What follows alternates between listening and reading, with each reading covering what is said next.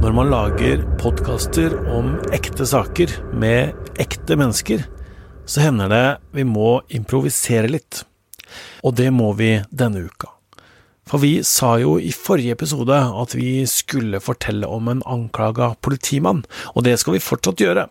Men vi må jobbe litt mer med denne episoden, slik at den blir ordentlig god. Derfor så kommer denne ukas episode på onsdag og det er fordi det er verdenspremiere på en historie som våre kolleger her i VG har gravd fram. For hør nå. I 2019 avslørte VG at Simon Levajev lurte unge kvinner for millioner av kroner. Han møtte dem på datingappen Tinder. Deretter sjarmerte han dem med luksusreiser, dyre middager og en utrolig karisma. Kvinnene trodde de data en velstående forretningsmann, men i virkeligheten var det andre kvinner som betalte for luksusen. Det er tre år siden VG publiserte denne saken. Og nå kommer hele historien på Netflix og blir tilgjengelig i så å si hele verden. Hvordan går det egentlig med 31 år gamle Simon Levayev? Hva gjør han i dag? Vi skal ta deg med i kulissene i denne historien. Jeg heter Tor Erling Tømt Ruud, og dette er Krimpodden i VG.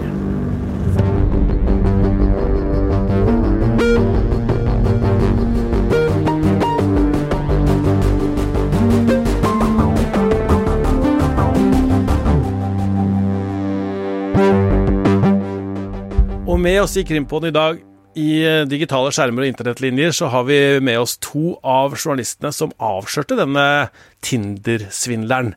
Natalie Remme Johansen, du har jobba mye med dette her. Fortell, hvordan starta denne saken egentlig? Veldig mange saker i VG starter med tips, og det gjorde denne saken også. Det var et tips fra Cecilie Fjelløy selv. Hun hadde da anmeldt eh, Simon Levayev til politiet i Norge, men saken ble henlagt, så hun var litt sånn frustrert og følte et behov for å gjøre det hun kunne for å stoppe han. Derfor tipsa hun VG, og det var Erlend Ofte Arntzen, eh, journalist i VG som også jobba med denne saken, som leste det tipset. Det tipset det skilte seg ganske mye ut fra mange andre tips. Det inneholdt ord som diamantbiljardær, jetfly, Tinder, dating En fyr som var en annen enn den han utga seg for å være. Det var mye spennende stikkord, da. Så Erlend eh, svarte Cecilie og sa dette høres veldig interessant ut, men kan du dokumentere det du forteller? Det er jo viktig for, for, oss journalister å kunne dokumentere de påstandene vi kommer med. Og det kunne hun, og til de grader. Hun sendte over mye dokumentasjon, og blant annet så besto det av en, hele WhatsApp-chatten mellom henne og Simon Levayev. Det var nesten 400 sider med tekst, tett i tett, med eh, meldinger hver dag gjennom flere måneder. Video, lydmeldinger og bilder som dokumenterte det hun hadde fortalt oss. Og så skal jeg ikke gå så veldig nøye inn i historien, men det går jo fra et sterkt kjærlighetsforhold til å eh, gli over i et bedrageri. Og den første måneden så bruker Simon kun tid på å være snill, hyggelig, tilgjengelig og kjærlig. Blant annet eh, så skulle han besøke henne i London da hun feira bursdagen sin. Det kunne han ikke fordi han var en såpass travel businessmann, tilsynelatende. Men da sendte han henne 100 røde roser på døra og en lydmelding som vi kan høre. I wish you all the best, really the best of everything. That all your wishes will become true. That you will have health and wealth and happiness and joy, and really that all your wishes will become true. That you will have the best of everything. That you will want, that everything that you will want, that you will succeed um, that everything will you want you will have in life. Thank you for everything, and good night and enjoy your day. Happy birthday. You changing uh, you changing the the years now. So 30 is a very important years, the most important years of the life. So really, I wish you huge success in everything. Good night, take care, and happy birthday. Mazal tov. Så her hører man jo at han er veldig kjærlig, og sånn holdt han på eh, en god stund, altså i flere uker, før den første forespørselen om penger kom. Da hadde han også brukt tid på å beskrive at han hadde mange konkurrenter og fiender i den businessen han var i. Eh, han kunne derfor ikke legge igjen digitale spor, og lurte på om han kunne bruke hennes kortinformasjon til å betale for reiser, sånn at fienden hans ikke kunne vite hvor han var. Og da, eh, på det tidspunktet så tenkte jo Cecilie ja, selvfølgelig, han er jo superrik. Han er en velstående forretningsmann. Han har mange ansatte. Om jeg låner han noen tusen, så er det ikke noe problem for han å tilbakebetale. Men så fortsatte det å tikke inn forespørsel om penger. Hun fortsatte å overføre penger til ham. Og det endte med at hun ga han ca. 2,1 millioner kroner. Og så skjønner jo hun at hun har blitt eh, lurt, da. Eh, for å gjøre en lang historie kort, så har, skjønner hun jo det, og hun anmelder jo eh, denne mannen eh, både i Norge og England. Eh, men i Norge så henlegges eh, saken relativt raskt, og, og, i England så, så, tar den liksom ikke noe fart heller. denne Simon er en fri mann. Og da er det jo på en måte der VG kommer inn. da, Vi skal prøve å, å finne ham og, og, konfrontere han med dette her. Dette her gjelder jo også flere eh, kvinner som, som, VG kommer i kontakt med. Og Kristoffer Kumar, eh, du er en av de journalistene som da drar til, eh, til Israel, for det er der han eh, kommer fra, for å finne denne mannen. Eh, hva var det som skjedde der, da? Vi reiser jo til Israel med veldig mange håp i kofferten. Vi har jo også et håp om at han kanskje er der. Og i researchen vår så fant Erlend en finsk dom. Det var også en kjærlighetssvindel, og den ligna veldig på den Cecilie hadde opplevd. Mannen i den kjærlighetssvindelen het Shimon Hayut, og han var også fra Israel, i likhet med Simon Leviev. Og vi ønska å spørre politiet om dette var samme mann, og dermed kunne se et mønster i at han drev med det samme flere steder. Og vi snakka med politiet, med familien hans, med barndomsvenner. og etter alle disse samtalene og møtene så fikk vi bekrefta at eh, Simon Levajev og Shimon Hayut var samme mann. Vi fikk bekrefta at han hadde vært en svindler fra tenårene, og at han hadde rømt fra landet for å unngå å møte i retten for andre dommer tidligere. Ja, hvordan uh, gikk dere fram for å finne ham? Vi banka på dører uh, der vi hadde fått registrert at han hadde barndomshjemmet sitt. Vi uh, var rundt omkring i Tel Aviv, men Simon Levi var jo ikke å finne noe sted eh, når vi var der. Så derfor så måtte vi gå videre i researchmaterialet vårt. Dere fant den ikke der, altså, men hva skjedde da? Vi gikk tilbake i researchmaterialet vårt hjemme i Norge etter å ha vært i Israel. og vi fant bl.a. kontoutskrifter som Cecilie hadde gitt oss. Vi fant noen av de som var fra Amex. Og i Amex-kontoutskriftene så fant vi noen flybilletter. Og der kunne vi se hvem som hadde blitt kjøpt flybilletter til, hvem som hadde flydd på de billettene. En av de var Pernilla Sjøholm, og hun var i Stockholm.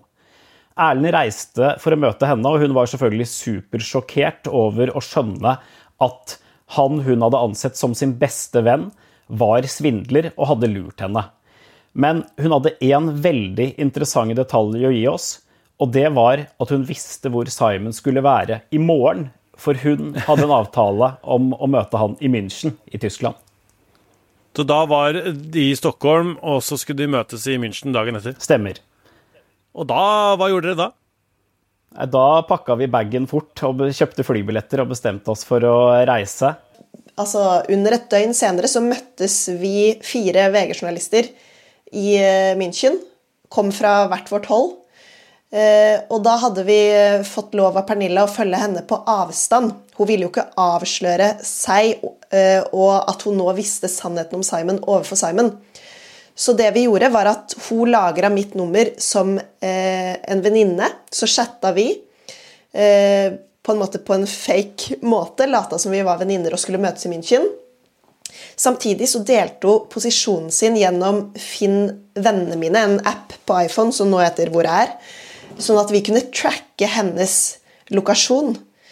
Og så eh, var det en lang dag i München der, men på kvelden så skulle hun møte Simon på en luksusrestaurant på et luksushotell midt i byen.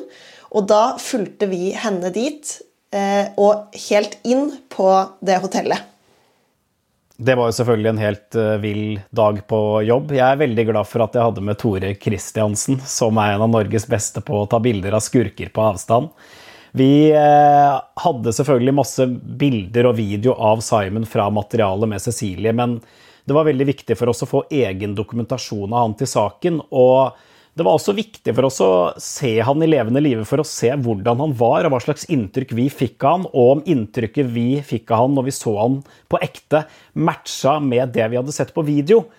Så vi jobba rundt dette hotellet for å finne det best mulige stedet å dokumentere han på avstand.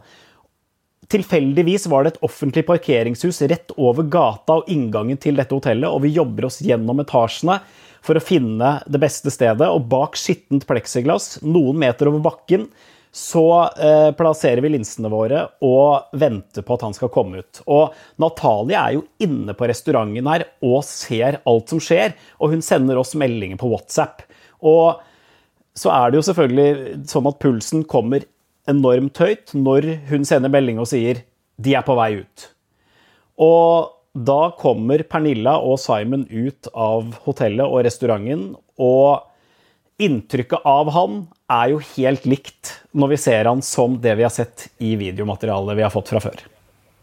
Men da sitter dere altså i skjul bare noen eh, meter unna. da. Hvorfor, hvorfor går dere ikke da fram til han og sier 'hei, vi er fra VG', eh, hva er det du driver med?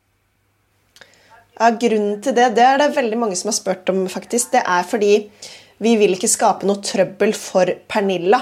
Hun spiller jo fortsatt en rolle overfor Simon som om hun ikke vet at han er en svindler.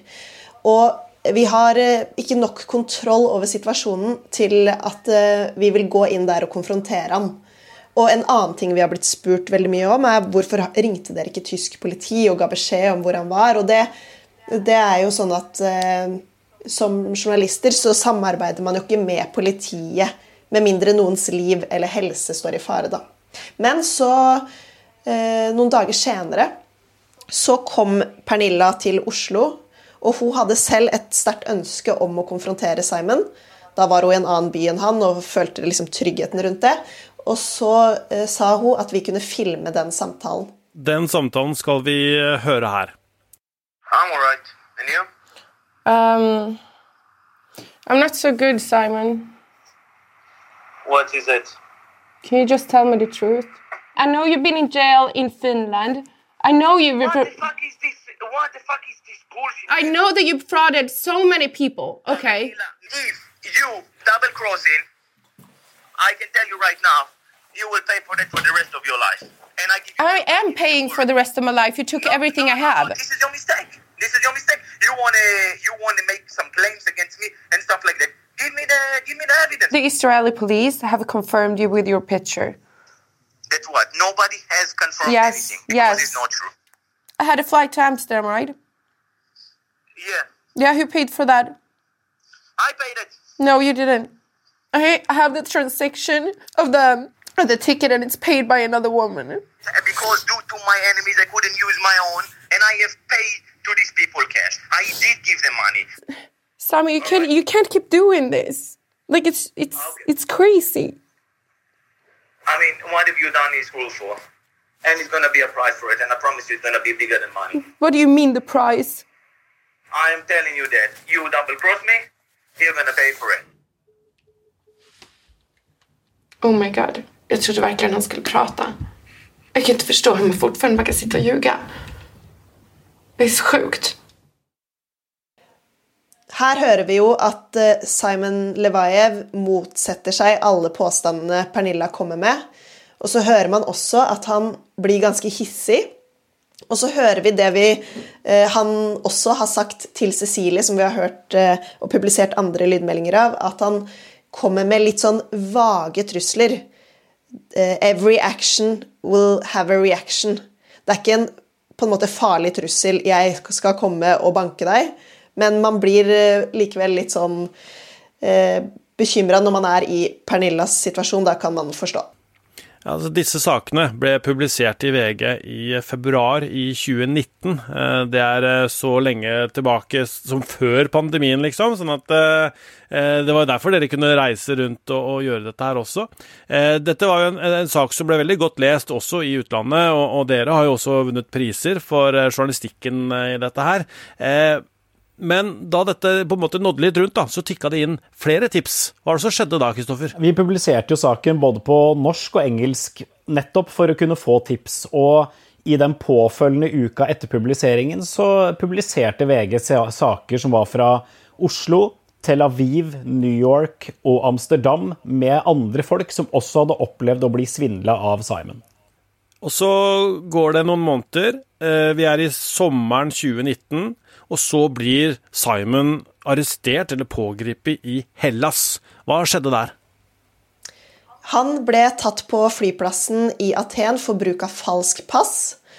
Så eh, ble han eh, utlevert til Israel, og der var det en rettssak mot han, hvor han ble dømt til 15 måneders fengsel for svindel begått tilbake i 2010 og 2011 i Israel. Men han er altså ikke dømt for det vi har skrevet om, og den svindelen han uh, har gjort mot damer i Europa. Uh, og så, ja, så han ble dømt til 15 måneders fengsel, men slapp ut etter fem måneder pga. god oppførsel. Og i dag, hva er det han gjør i dag?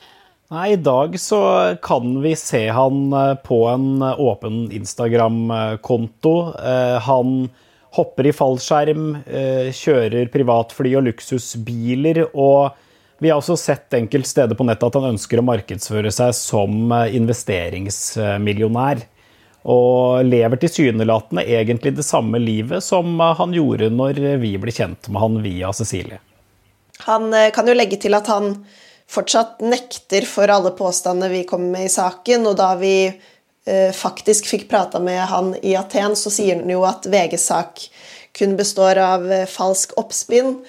Eh, men så har det vært skrevet en del om i Israel også, og en, ting, en sak som fascinerte meg, eh, var eh, etter at han slapp ut av fengsel og pandemien også kom til Israel, så eh, var det en sak der at han hadde lurt lurt helsepersonellet og lata som han var lege, sånn at han kunne snike i vaksinekøen og få vaksine før han egentlig skulle.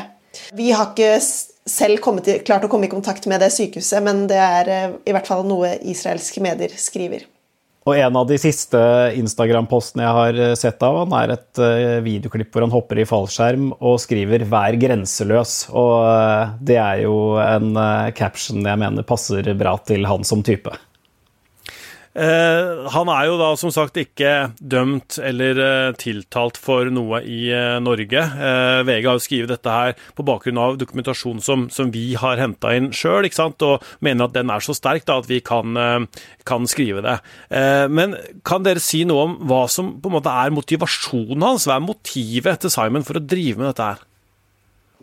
Akkurat hva som er motivasjonen hans, det vet vi ikke. Men da vi var i Israel, så var det tydelig for oss, og dro til hans eh, hjemsted, så var det veldig tydelig for oss at det var det totalt motsatte av hvordan han presenterer seg i sosiale medier.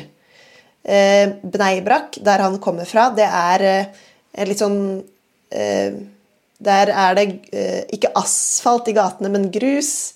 Det er beige, høye blokker. Eh, det er mye mindre moderne enn Tel Aviv, som bare ligger 20 minutter unna. Så eh, det er jo litt vanskelig. Vi har jo ikke kommet Eller vi kan jo ikke gå inn i hodet hans, på en måte. Og han vil jo ikke prate med oss, selv om det hadde vært veldig interessant å høre hans motivasjon. Så er det noe vi ikke har kommet helt til bunns i, annet enn at vi har observert at det er totalt annerledes enn sånn han eh, ble oppvokst. Og nå så kan man se en eh, dokumentarfilm som er basert da, på VGs eh, journalistikk eh, her. Den kan vi se på Netflix. You can find a bit of everything on Tinder, but one little swipe can change your life. I only miss you when it rains. When I first talked with Simon, immediately we had a bond. He was smart and funny and very impulsive. I shared my whole heart with him. And then he asked me if I wanted to travel with him on a private jet. I was like, shit. He took me to a five star hotel. He said we had a special connection. It felt like stepping into a movie. And then, in the middle of the night, he said there was something he wants to tell me. He said he has threats against him. He needs our cash. $20,000. 30,000. $140,000? His life depended on me. That's when police tell me the man I loved was never real. Everything's a lie. Who is this guy I've been sharing the same bed with? Then I get these threatening messages. Take my advice. Just watch out. We have no idea what he's capable of. It's just been fucking hell. I'm just freaking out. But we needed to get payback. Og Natalie og Kristoffer, dere er jo med i denne dokumentarfilmen. Eh, hvordan eh, er det? Det å delta sjøl er jo egentlig bare rart, men eh, vi vet ut ifra responsen når vi publiserte saken på VG, at dette er en engasjerende historie som, som fenger. Og det kan jo bl.a. ha med å gjøre at kjærlighetssvindel har, vært, har blitt en veldig økende greie de siste årene. Og det gjør jo at jeg også tror at Netflix-dokumentaren kommer til å få mye oppmerksomhet og bli sett. da. Natalie, de, de, jeg har sett noen bilder om at de var, de var hjemme hos deg og filma under pandemien. Ja, planen var egentlig at de skulle komme hit og intervjue oss på VG-bygget. Men vi fikk streng beskjed om at vi ikke fikk lov å ta med noen utenforstående inn på VG-bygget pga. korona. Eh, og de som skulle intervjue oss, kunne heller ikke reise til Norge. Så derfor så satte de i gang en liten operasjon i, i, her jeg bor, hvor de bygde om stua og loftet til to VG-kontorer, hvor Kumar og jeg ble intervjua av et norsk team som de hadde leid inn.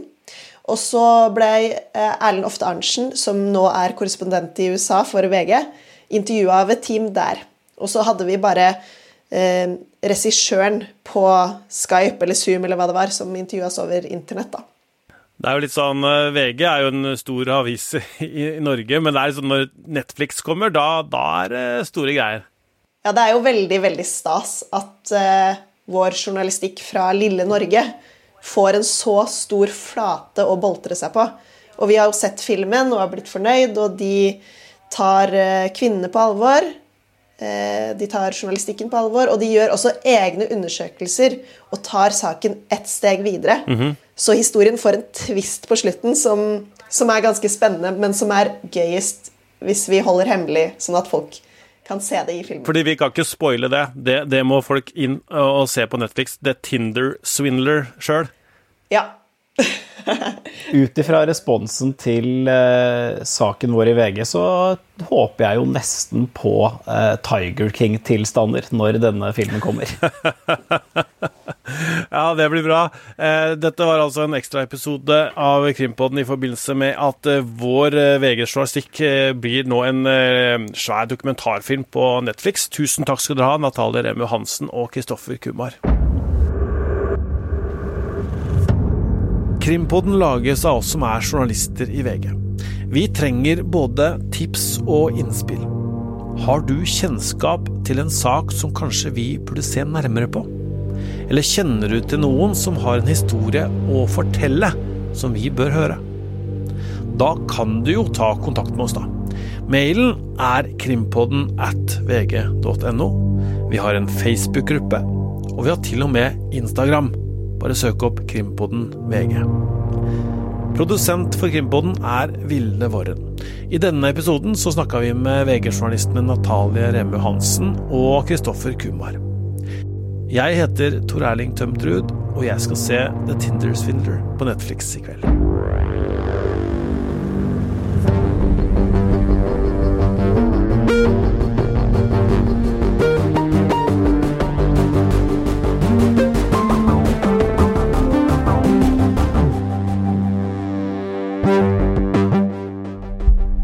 Du har hørt en podkast fra VG. Ansvarlig redaktør, Gard Steiro.